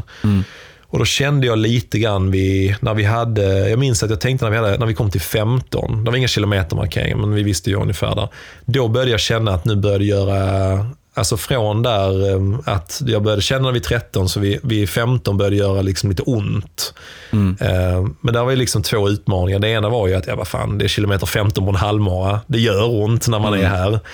Men den andra delen var ju också, eftersom vi sprang raksträckor, så var det inte så att jag kunde Alltså jag, jag övervägde aldrig att stanna egentligen. Liksom. Men i det läget där, hur mycket Mm. konsekvenstänk har du? Alltså när det, när det kommer till att, ja men jag kommer, det kan bli långvarig skada. Alltså tänker du de precis. tankarna eller det, du tänker bara att snart säsongsvila, det är en halvmaraton, nu kör vi järnet ända in i mål. Ja, den, och den är, Vad, det, vad skulle få dig att bryta? Är det att du inte kan springa längre? Eller? ja, precis. För det, för, och det här är, jag inser att det här är för nu, vissa grejer jag kommer att berätta nu kommer ju, vara, kommer ju upplevas lite sjuka av folk som kanske inte tycker att det är lika kul att tävla som, som du och jag gör. Men, um, nej, men jag kände nog att, att uh, det var liksom ingen sån här som sagt supersmärta när det började. Och sen när vi kom till kilometer 15, då kände jag att det påverkade min löpning. Jag hade fortfarande liksom inte reflekterat över det, att det kunde vara en skada. Alltså om du förstår vad jag menar. Jag bara reflekterar över att oh, ja, men det här, hoppas det inte blir värre tills jag kommer i mål. Alltså mm. Så att jag kan springa fullt ut in i mål. Mm. Men vid kilometer 15 så märkte jag, jag märkte att jag började landa lite mer. jag landar ju på mellanfot, framfot. Mm. Jag, jag märkte att jag började liksom landa lite mer på hälen, på höger, högerfoten. Så det reflekterade jag över. Och så mm. märkte jag att det är kroppens sätt att kompensera. Alltså omedvetet då? Att du, du tänkte inte på det själv? Nej, jag tänkte inte på det själv. Nej. Utan jag bara, jag bara märkte att jag, jag ja, men du, framförallt när man blir trött bör man jag börjar reflektera över min teknik. Att jag försöker ja, hålla uppe den. Mm. Men jag märkte att kroppen ville liksom inte riktigt lyda mig. Eh, och jag kände att jag, jag flyter på rätt bra, så jag, jag, skitsamma liksom. Mm. Och sen så gick det ganska snabbt och då låg vi prick på farten. Vi hade en bra klunga. Jag kände fan det, det känns... Vid kilometer 15 kände jag att eh, vi fixar nog en 20, under en 20 liksom. Mm. Och det var ett sånt, ja men det var länge sedan jag gjorde det. Det har varit en skadefylld säsong för mig i övrigt mm. med baksidor och brutna armbågar och revben och skit. Så jag kände, vad fan, det blir det här, det blir revansch nu liksom. Ja. Men sen när vi kom till, när vi var uppe på kilometer 18, då började jag göra rejält. Då började jag göra rejält och det var nog första gången jag funderade på att det är, alltså nu känns det lite så här, hade det varit en träning hemma, en träning, mm. så hade jag mm. nog klivit av här. Jag hade mm. stannat liksom. Mm. Men jag måste inflika där, för det syns ju inte på filmerna och så, när, alltså när du går i mål. Efter mållinjen ser man ju. Ja, ja precis. Nej, men, då, men inte ja. innan. Alltså, du, du ser ut att springa obehindrat. Liksom. Ja, för det var också en sak jag reflekterade över. Av, av lite andra så här, småskador och krämpor man har haft så vet man ju också om att så fort jag stannar, då blir det precis som att en, en känning kommer med full kraft när man har stannat av. Mm. Men så länge jag håller uppe motoriken och steget och allt sånt så kommer, så kommer det här att lösa sig. Mm. Men kommer jag stanna eller sakta ner, då kommer jag ju liksom bryta eller kliva mm. av. Så det reflekterar jag vid 18. Och då, men då blev jag också så här att jag bara, fan, även om jag skulle bryta här, vi är mitt ute på vischan. Jag har ingen mobil. Jag måste ändå ta mig i mål, jag måste ändå jogga i mål. Ja. Så det var liksom den tanken jag hade. Även om jag stannar här så måste jag ändå jogga i mål och då kan jag lika bara köra järnet nu. Undrar hur många löpare som har fullföljt eh, lopp på grund av att eh, man tänker den tanken om att jag ska ändå in i mål. Jag ska ändå ta mig dit. Ja, men det... Eh, och, det, och det är väl kanske därför många bryter på bana också, för att det är lätt att hoppa av. Ja, det, tror, det tror jag absolut. Och det, mm. det kan jag minnas, eh, jag, jag har haft lite blandade skador. Första året jag började och utvecklades jättemycket, men sprang ju skitkorkat. Då hade mm. jag hade hälseneinflammation, men jag hade löparknä också. Och då sprang jag Änglamilen, skulle jag springa veckan efter Köpenhamn Marathon. Så sprang jag den med löparknä. Mm. Hade snoront på uppvärmningen. Jag tänkte, jag kör. Bröt efter halva, för jag, bara, jag kunde knappt liksom, ja, stödja mig på knät. Och då frågade jag funktionär, var är närmsta vägen in? Ja, det är längs banan, sa Jag bara, vad fan det är fem kilometer. Oh. Så det är en sån grej jag har i bakhuvudet. Ja. Jag bara, nej vad fan, jag, jag får ska ta mig ändå, Ska ändå gå det hållet, eller ska ändå den, den riktningen ja. mot mål, så att ja, du kan lika gärna springa. Liksom. Ja, exakt, och det var så det jag reflekterade över det vid 18, att eh, vi höll tiden. Vid 18 kände jag att jag, ja, men jag fixar tiden om jag bara inte liksom börjar tappa steget. Mm. Så då höll jag uppe det och sen, sen är det sjukt för att um, ja, men någonstans vid 19,5 20. Ja, det, ja, alltså det, är svårt, det är svårt att beskriva, för då hade jag, jag hade riktigt ont. Mm. Men samtidigt är det så att där finns ingenting annat i mitt huvud än att, än att klara målet och springa mm. mål. Så när vi hade 1200 kvar så ökade jag. Tänkte fan nu är det läge att ta ut mm. det sista. För där, där är det precis som att hjärnan gör någon märklig prioritering mellan den fysiska smärtan i mm. foten och hur mycket energi har jag kvar. Jag vill tömma den tanken också. Mm. Mm. Alltså det, det, är så märkligt och det är det som du beskrev med ditt maraton. att mm ja, men, du, du är ju kanske inte mer än på en åtta på din smärtskala för att du hade ju energi kvar men din kropp gjorde så att du inte kunde springa. Så Precis. plocka ut det. Mm. Och jag hade ju läget där jag, jag, jag kunde ta ut det sista mm. energimässigt. Mm. Men det var ju korkat egentligen. Ja. För att det fysiska skickar i signal att jag inte borde göra det. Mm. Eh, det är en prioritering hjärnan får göra där. Mellan eh, målet man har, målbilden Ja, och, och liksom hur ont det gör. Ja.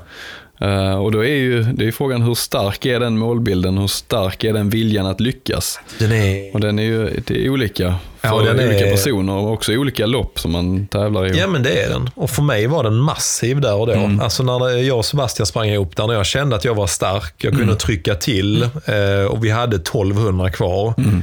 Ja, men det var som att det blev en sån uppbyggnad av ja, men revansch för hela det här slitna året. Mm. Äntligen under 1.20. Jag är rätt nära mitt pers. Jag visste att jag inte skulle slå pers, men liksom jag kände alla de där grejerna och tänkte fan vad gött. Jag bara, Mm. jag bara kör. Och sen minns jag ja, men sista 300 meterna sprang man över någon bro liksom och runt där. Och då, då var nog, det, var nog, det, var nog där, så, det var nog där jag insåg att det här var nog inte så jävla smart. Jag gick över den bron. Gjorde det? Ja, jag fick jag kramp i baksidan. Så då hade vi samma nederlag där kan man säga. Ja, men precis. Insikten för dig och eh, Ja, var- total kramp för mig. Ja, det var galet. Men, eh, nej, men så att jag, ja, men jag sprang i mål och var ju svin. Jag hade ju 1.19-19, det är 15 sekunder över mitt pers. Så jag Mm. Det är svinnöjd. bra. Men direkt efter jag, alltså direkt efter jag stannade efter mållinjen Mm. så bara insåg jag att det var, ja, men det var som att en kniv som stack in i foten. Mm. Och det är något sjukt med när musklerna är varma och man är igång, Mm. att det märks inte. Men äh, jag bara, du seglar ner i, i diket. ja, jag bara seglade ner i diket och bara kände bara, fy fan, det är någonting som inte är helt rätt. Men sen är man som man är och jag tror alla som har haft lite olika typer av benbrott eh, kan känna igen sig där. Det vet jag både när jag bröt eh, armbåge och handled, att precis där och då, när det började, jag gick upp, sen började jag halta omkring där liksom, snacka med folk. Man reflekterar inte över att det skulle kunna vara en allvarlig skada, utan äh, fan, det, ja, det känns, det är nog inte brutet, eller det är nog inte Nej. liksom sådär. Och det, och det um, insåg jag sen eh, på kvällen när jag pratade med lite kompisar och dagen efter att fan mest troligt är det nog en stressfraktur i foten. Men det är ju egentligen, det låter lite värre än vad det är nu. Det är ju en, eh, alltså, det är en spricka liksom, i foten som man har fått av eh, att man har nött samma sak om och om igen. Och Ja, det det. låter ju inte helt orimligt. Det känns logiskt på något sätt. Men när du låg där i diket, Simon, Ja. Och tog dig för, för foten. Jag vet inte varför man gör det, för att man tar sig för foten. Det är blev inte liksom, som inte- att det det- liksom inte bättre av. Det, det är ingen, det är jag ska läka min fot, jag lägger min hand på den. det är ingen stor sån här pumpar blod ur den liksom, så jag måste täcka Ah. den. Nej. Men vad, vad liksom, var du, du, du hade tankar om att det kanske inte riktigt var smart Nej, precis. när du kom över bron och säkerligen när du låg där i diket också. Mm. Men tankarna av att du hade gjort ett riktigt bra lopp, var de starkare än liksom din... Ja, absolut. Ja, ja, precis. Du var ändå nöjd med ditt beslut när du hade gått i mål, ja. Jo, men det var jag skitnöjd med. Och Mm. till och med efteråt, det var nog först när vi skulle gå till bilen. Alltså, för när man bara stod vid staketet och haltade runt och snackade med alla andra. Då tänkte jag bara, ah, det är, det är nog en överbelastad scen eller någonting. Det, det är lugnt liksom. Men eh, så kände jag liksom när, när vi skulle gå till bilen, ah, det, alltså, det gjorde så fruktansvärt. Det kändes som att någon satt och tryckte in en kniv Ja. i mitten av foten och då tänkte jag att, att eh, men det, alltså det sjuka är ju det här, jag vet knappt om jag vågar säga det.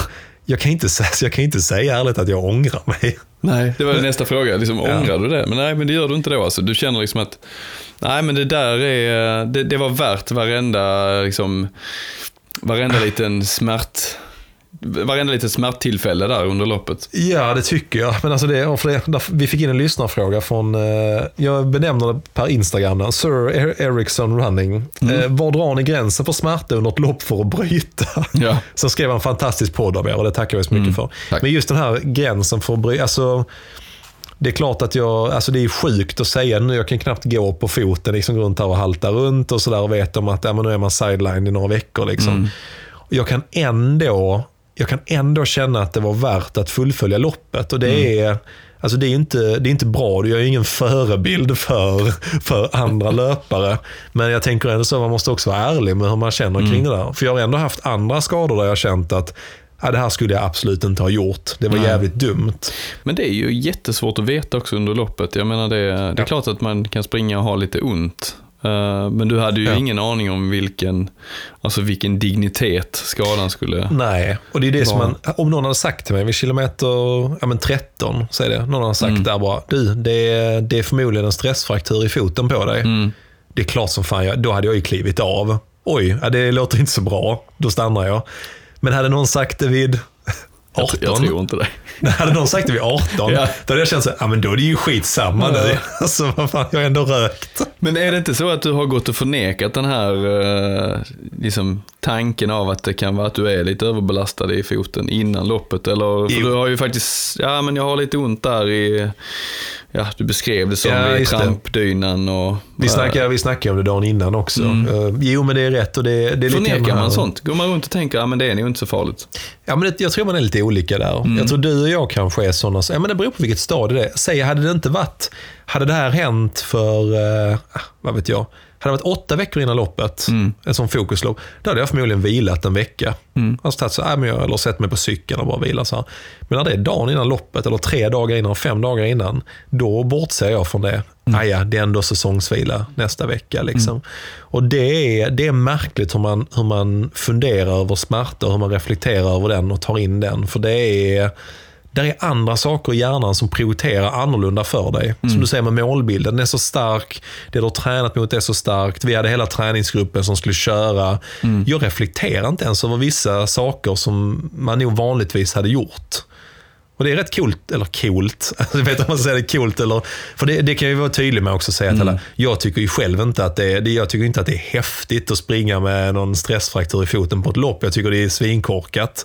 Men eh, det är en intressant reflektion av hur stark en målbild kan göra för att du ska komma över smärta också. Och det kan man använda till något positivt i andra sammanhang. Så är det ju. Och för att genomlida den här smärtan så behöver man ju någon motsats. Det gör man. Och vad är det Simon? Det är fan med belöning. Vi sitter ju faktiskt här och du hade din hand i chipsskålen Jag hade handen i precis. chipsskålen precis som vi skulle börja prata om belöning. Så Ja. bara satt jag och skramlade. Oj, jag väntar Den där ena handen och den andra handen var i chipsskålen. Det det- känns eh, som du belönar dig själv. Det känns som att, att vi verkligen glider in på ämnet, på temat på ett bra sätt. Mm. Och det är eh, sista 20-25 minuterna ska vi prata just om det, med Mm. belöning. För vi har ju, nu känner ju verkligen, vi har precis sprungit maraton och halvmaraton och det är slutet på en säsong på något sätt. Och då eh, tycker, tycker vi båda om att det är gött att belöna sig.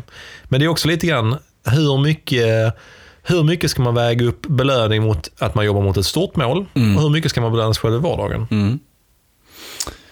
Eh, Alltså det här med stora, stora mål och stora belöningar, det är klart att man kan ha det. Eh, Det som jag gillar är att liksom bryta ner det egentligen till små delmål och belöna sig lite, lite mer frekvent än att satsa på de här jättestora loppen eller att man har superstora eh, målsättningar inom arbetslivet eller någonting som gör att, att det kan vara ganska avlägset. När, belönar, när belönar du dig själv då?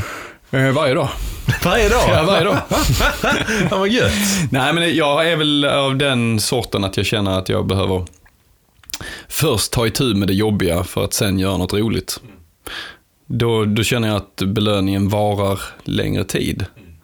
Eh, Det är klart att man kan belöna sig med olika saker som eh, Instagramflöde, likes och alla de här bitarna. Men det är väldigt kort, kortsiktig belöning. Eh, Men att kämpa för någonting, att göra, ta de här jobbiga samtalen på jobbet och jobba igenom den här jobbiga to-do-listan som man har. Och sen kanske gå ut och springa och känna att eh, ja, men nu har jag ju haft en produktiv förmiddag, jag har eh, avverkat det jag ska göra och jag belönar mig själv med en, en eh, lunchlöpning. Så för Lunch dig- run. Lunch run.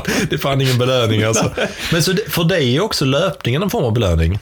Ja, absolut. Det är det. Att jag tar mig tiden till det mitt under en arbetsdag. Men det gör jag ju med gott samvete också när jag känner att jag har varit produktiv. Och sen blir jag faktiskt ännu mer produktiv på eftermiddagen. Om det inte är så att det är ett, ett eh, tufft pass, för då kan det sätta sig lite Och du blir, på ju inte, energin. du blir ju inte en så jävla gnällig eh, person att ha hemma heller har jag förstått. Eh, det beror på. Nej, mestadels så blir det ju så frigör det energi för mig eh, att springa. Men just att eh, göra de jobbiga sakerna först för att eh, belöna sig sen. Då, då, då varar belöningen längre tid tycker jag. Åh, ja, fy fan, man vet ändå några gånger man har känt sig riktigt smutsig. Där man har ätit, man har ätit godis och sen gett sig ut på löprundan. Mer som en skamrunda för att man ätit godiset snarare än... Det där är sjukt också, ordningen på det.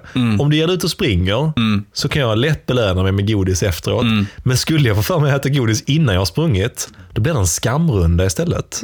Att jag måste ut och rättfärdiga att jag åt godis innan. Och det känns inte så bra när du har kommit hem och gjort den här skamrundan Det heller som, som tvärtom. Ja. Då har jag, redan, jag har redan tagit belöningen. Nej, men så det är jag helt övertygad om att det är, det är rätt ordning. Att ta smärtan först och få belöningen sen. Det är liksom, det, det, that's the way to do it. Vi har ju fått mycket frågor just eftersom vi har, vi har ju veckans drink och vi har ju liksom allt det här. Vi har ju fått frågor kring vad är den bästa belöningen för någon drink och vad är den bästa belöningen för någon som frågar om öl och sådär också. Och jag tänker att det finns lite olika, men vi, där finns ju en grej, framförallt i vårt träningsgäng också, att vi, där finns någonting, det är inte bara vårt träningsgäng, det är ju ett allmänt begrepp, men det är ju persbärs. Och det, den kan man ju slira lite grann på. Man måste ju inte ta en öl. Man kan ju, ta, man kan kalla det för persbärs och dricka någonting annat. Men det, vad, har- vad är din Fredrik? När du, när du persar, vad vill du fixa ihop på kvällen då? Alltså jag har ju, jag har ju snöat in mig ganska mycket på cocktails ju. Så att jag, jag, ja, det, är- det är sant. Och du har fått smaka några Ja. av dem också. Eh, nej, men så att en riktigt eh, fin eh, cocktail eh, är en, eh, det är bland det bästa eh, som jag vet att belöna, belöna mig med. Så att eh, det skulle jag säga det är att blanda ihop någon eh, på en, ja, någon fin rom eller någon fin gin eller något sånt. Så att man får någon liten extra, ett extra fint i cocktailvärlden. Ja, just det. Och hur, jag tänker på det nu. nu ehm, du har sprungit maraton, Mm. Då, det är precis som att då rättfärdigar man sig själv att belöna sig själv under en hel veckas tid efteråt. man, Mm. absolut. man rör sig inte överhuvudtaget. Man belönar sig själv var, varje dag. Ja, men jag kan äta lite godis idag också. Det är lugnt. Jag sprang i maraton i, när var det nu? Det är söndags. Ja, och där, där kan jag känna så här, missförstå mig rätt. Jag gör ju exakt samma sak. Mm. Jag tycker det är helt rätt. Men det är ju rätt lustigt att man tänker sig, springer man ett maraton på söndagen, Mm. så kan man på torsdagen veckan efter, ah, jag sprang ändå maraton, så Mm. då kan jag äta 7000 kalorier. Alltså, Precis. Jag förbrände bara 3200 Ja, kalorier på maraton. Men, men eh, man rättfärdigar sig själv med att äta 7000 kalorier. Det känns ju rimligt. det känns fullt Ja. rimligt. Nej, men det är väl lite så att man, man känner väl att man har genomlidit någonting riktigt jobbigt.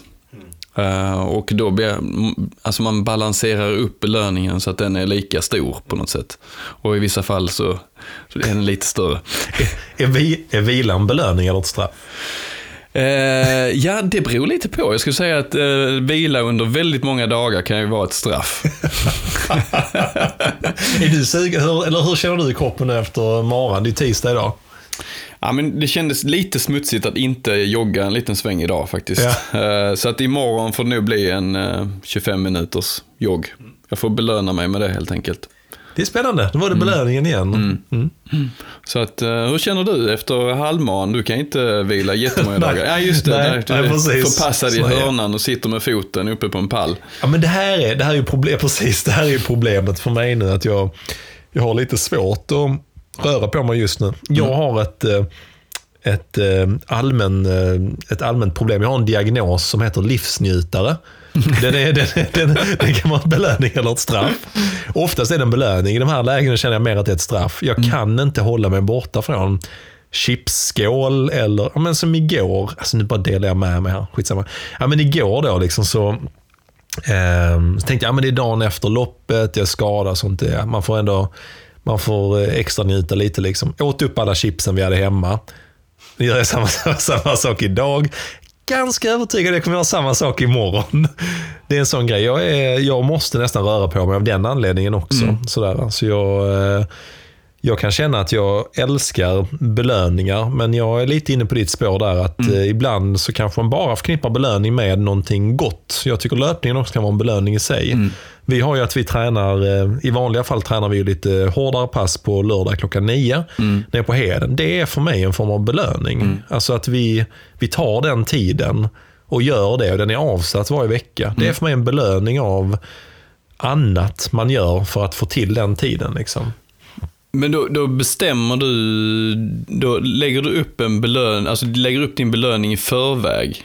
Också Ja. så du vet om vilken belöning du ska få. Du, Ja, men precis. Jag hade ett, eh, ja, men ett bra exempel är, jag hade en, en period där jag tränade, tränade rätt hårt för 5000 meter. Och då hade jag satt upp ett slutmål. På, ja, men jag hade som mål att klara under 16 minuter och så hade jag satt upp ett antal delmål. Så från januari, målet var att springa den i juni, skulle jag springa det här under 16 minuter. Och så började januari. Då satte jag ett delmål varje månad. Så jag sa så här, om jag klarar det här i januari, så får jag detta. Och klarar jag detta, gör jag någonting i februari så klarar jag det. här. Och då var det så här, jag skulle köpa ett par nya spikskor om jag klarade en viss tid. I april månad så skulle jag köpa en ny klocka. Det här var ändå grejer jag behövde. behövde. Det händer, det beror på vem man frågar. men jag behövde ändå köpa nya prylar. Men jag satte ändå upp en liten sån motivationsstege för mig själv. Klarar jag den tiden på träning då, då gör jag detta. Så det blev det som belöningar. Sen, där är också lite grann som vi pratade om innan i början, att eh, dagliga belöningar ut i form av, gör jag ett bra pass ja, men på kvällen runt äppelodlingarna, ja men då kanske jag går hem, dricker en öl och sen går och lägger mig. då är det en belöning liksom. men de här därmed så- spontana belöningarna kan också infinna sig. Att man, eh, det kan ju vara så att du, du har lagt upp ett pass och sen får du kämpa lite mer än vanligt. Så känner du att ah, jag är värd en liten belöning. Och då har du lite sådana att liksom sticka in. Ja, men öl innan du går och lägger dig. Den, den låter mer och mer konstig med vi pratar om. Nej men så är det, jag kan tycka bara på, ja, men en sån grej som eh, man kör ett tufft lunchpass. Nu, när, jag- nu när man jobbar hemifrån och sånt där också, så ja, men då ligger det ett, mar- ligger det ett Marabou-choklad i där. Så det är klart man tar några rutor, man har gjort ett bra jobb. ja, det En- tänker en jag. Är, ja, men de är sjukt viktiga tror jag. Hitta både belöningarna i vardagen och i de här stora belöningarna. Jag tror mixen av det funkar, funkar jäkligt schysst. Liksom. Eh, Måste du ha, eh, måste du lägga upp eh, dina tankar kring vad belöning, belöningen ska vara inför ett lopp? Ja, ja, jag vill gärna göra det. Ja. Det här tror jag också är ganska individuellt. Alltså pratar man tävlingar, det, men det kommer jag också ihåg eh, supertydligt minne från eh, när jag sprang mitt andra maraton, som Köpenhamn maraton 2014. Då hade jag som mål att springa under tre timmar och sen gick det jättebra med träningen. Satte jag ett mål under 2.55. Det gick jättebra och då satte jag ett mål att jag skulle ha släktrekordet eh, som var och det här, eh, ja, det var Johan som hade det, min svåger i Stockholm, som hade, han hade 2.54 någonting. Så kände jag, ah, fan jag kanske kan ta det. Till hans försvar så gjorde han det på Stockholm maraton och jag gjorde det på Köpenhamn. Köpenhamn är lite lättare, så den, ska, den får jag ge Johan ändå här i sändning känner jag. Men jag hade satt upp det som ett mål och så tänkte jag så här, fan klarar jag det målet? Då hade jag köpt en indisk halvliters öl som jag fått tips av någon. Det är jättekonstigt. Men det blev en sån grej för mig. Ja, men det är inte så, den kostar ju 40 spänn eller någonting. Så det var inte så att det var någon massiv belöning. Utan bara, jag köpte den redan tre veckor innan och så stod den i kylskåpet. Så varje dag så visste jag om att när jag kommer hem på kvällen, då ska jag dricka den. Så blev det en sån grej. Men det sjuka var sen när jag kom hem på kvällen, Ja men du vet, kroppen kan vara lite märklig efter maraton. Jag knäckte ölen och bara, ah, fan vad gött. Tog en halv klunk. Det var inte så att ölen smakade äckligt. Jag, bara, jag kunde inte få ner någonting mer, så då slutade med att jag hällde ut den i vasken. Nej. Ja. Nej, men det var ju tanken av, och du kunde tänka på det kanske under loppet eller in, inför loppet, att du hade Ja. någon form av liksom, morot om du klarade det. Och det är som Men det- hade du druckit den om du inte hade klarat det? Nej, alltså du, det där är, det är en jättebra fråga. Säger, ja precis. Där man säger att jag hade brutit. Mm. Nej, jag hade nog... Nej, vet du vad? Jag, det, jag är inte dum. Jag hade druckit den vid något tillfälle. Men jag hade nog inte tagit den på kvällen där. Det känns fel tror jag faktiskt. Mm, Okej. Du kan hålla det där, att du känner att... Ja, men det tror jag nog. Ja. Man vill spara vissa ja, grejer. Ja, precis. Men det är... Men har du andra morötter så här i vardagen? Och, alltså, om man ser utanför löpningen och... Mm, jo, men det Alltså- tycker jag. Ja, men alltså det, eh, alla, är, alla är ju lite olika. Alltså min belöning så här i vardagen, Mm. Eh, den är faktiskt kopplad till igår kväll när jag pratade med att jag käkade upp alla chipsen. Mm. Men det var, nej men jag också, vi pratade om i något tidigare avsnitt, jag har ganska mycket på jobbet nu liksom och Mm. nu kände jag med foten här på halvmaran så blev det lite så, äh, jag har inte deppat ihop över det, men jag bara, ja, lite surt liksom sådär. Mm. Så kände jag igår då, men Lisa gick och la sig. Jag kände, ah, fan jag, jag, det här, nu är det, då tar jag, det här kan jag göra någon gång i veckan. Mm. Då tar jag så att, nu är det min tid. Då tar jag, oh nu blev det mörkt här i studion när jag ska berätta om detta. En timer, ja. Men där, där kan jag ta så här att min belöning i vardagen där, det är att jag har en timme då jag kollar på så här, fotbollsdokumentärer. och äter Okej. chips på kvällen. Det här hade jag ingen aning om. Nej. Det är Fan, vad stand- kul. det är stand-up. Mm. Jag har sett den nu, kan tipsa om på Amazon Prime. De har gjort en om Manchester City. Om deras, alltså jag är inte jättefotbollsintresserad, eh, så annars, men eh, de gjorde något sup- superår, 2017 tror jag det var, vann Premier League och allt sånt där. Mm. Så gjorde de en dokumentär om den. Den är åtta delar. Superspännande sådär Mm. att sitta och titta på, för den är, lagom, den, är, den är lagom ambitiös på något sätt. Och så kan jag sitta och käka chips där och bara känna att jag är fan värd en timme här för mig själv. Liksom. Inga barn som krälar på en och inga... Liksom. Du då Fredrik? I vardagen. Mm. Nej men alltså det är ju, vad, vad har jag för belöning där? Ja, men jag skulle säga att det är löpningen faktiskt. Att jag eh, ger mig ut på sånt här lite längre pass där jag inte behöver slita så mycket. Utan men jag får mycket tid för mig själv och jag får möjlighet att liksom rensa tankar och verkligen bara komma ner i tempo och, och liksom komma in i ett lugn. Jag ser, jag ser framför mig liksom var, jag skulle, var jag vill belöna mig. Ut med kusten, liksom nere vid havet. Och, ja. ja, men bara få en härlig känsla under många, många minuter, tänkte jag säga, under, under en längre tid. Mm. Och du, vi har ju pratat om det här innan, att vi, vi brukar... eh, Det var någon som har ställt en fråga om det här som jag tyckte var ganska klok. Att vi pratar, nu, nu handlar det om smärta och belöningar. Men så måste man uppleva smärta för att få en belöning? Alltså just när man pratar löpning och sådär, måste det vara ett svinjobbigt pass för att man ska känna att man ska belöna sig med någonting? Eh, jag, jag tycker inte det. Jag, jag tycker att man kan eh, belöna sig med att man kanske har följt sin plan, att man har sprungit strategiskt, att man har liksom inte rusat iväg, att man har verkligen hållit sig till det som man har tänkt från början. Eh, det är också ett, liksom, det kan jag också känna att man kan belöna sig själv utifrån att man har varit en, en klok och intelligent löpare. Eh, men det behöver inte vara smärta, utan det kan vara liksom en insats, en bra insats som man har gjort. Antingen då eh, strategiskt eller att man, ja, i vissa fall så kan det vara att man verkligen har tagit ut sig ordentligt och, och upplevt den här smärtan. Men, men eh, både och, ska jag säga. Ja, det kan jag känna också att när, jag hade i somras, kom in i en jävligt schysst rutin på under semestern. Jag hade måndagar sprang jag alltid två pass. Och det var, ja, men det var en liten galen löparperiod där man var inne i. Men då sprang, brukade vi springa på lunchen ibland på måndagen.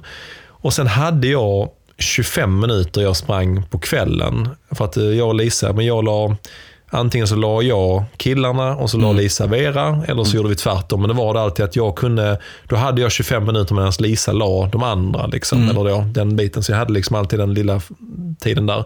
Och då sprang jag hemifrån, upp runt längs äppelodlingarna precis innan solen skulle gå ner och tillbaka igen. Och det var liksom, det var alltid bara jogg, aldrig någonting annat. Och 25 minuter i vanliga fall för mig kan kännas som en väldigt kort runda. Det kanske inte, lite den här känslan, det är knappt värt det.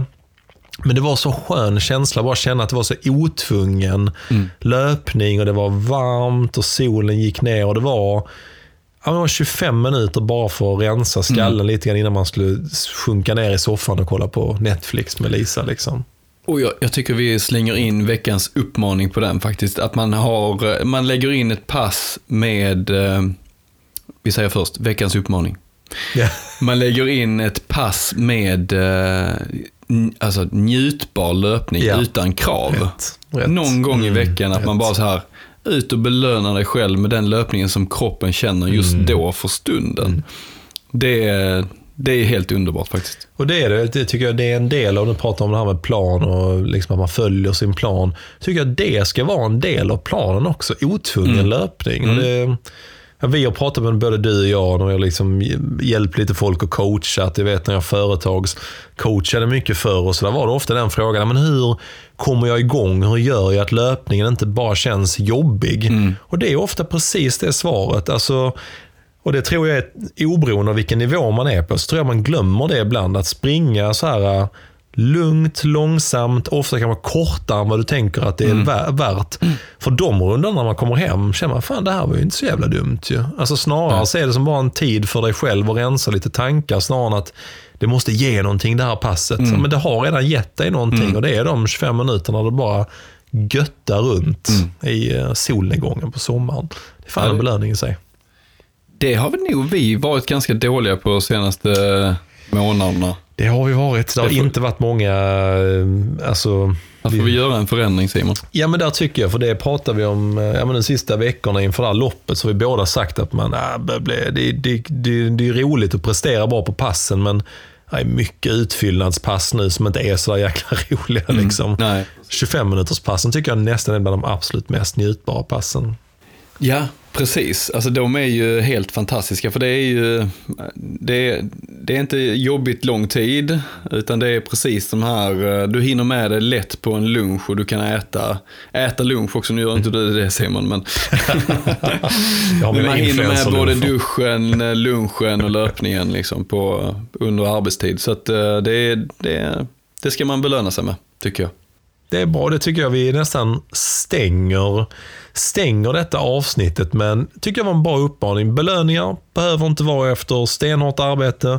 Belöning kan vara en 25 minuters jogg eller så kan det vara en jäkligt fin cocktail. Men det viktiga är, det är faktiskt hitta sin belöning i vardagen. Hitta njutningen, följ din eh, magkänsla, vad du vill belöna dig med. Filosofiskt. Ha det fint, vi hörs. Hej!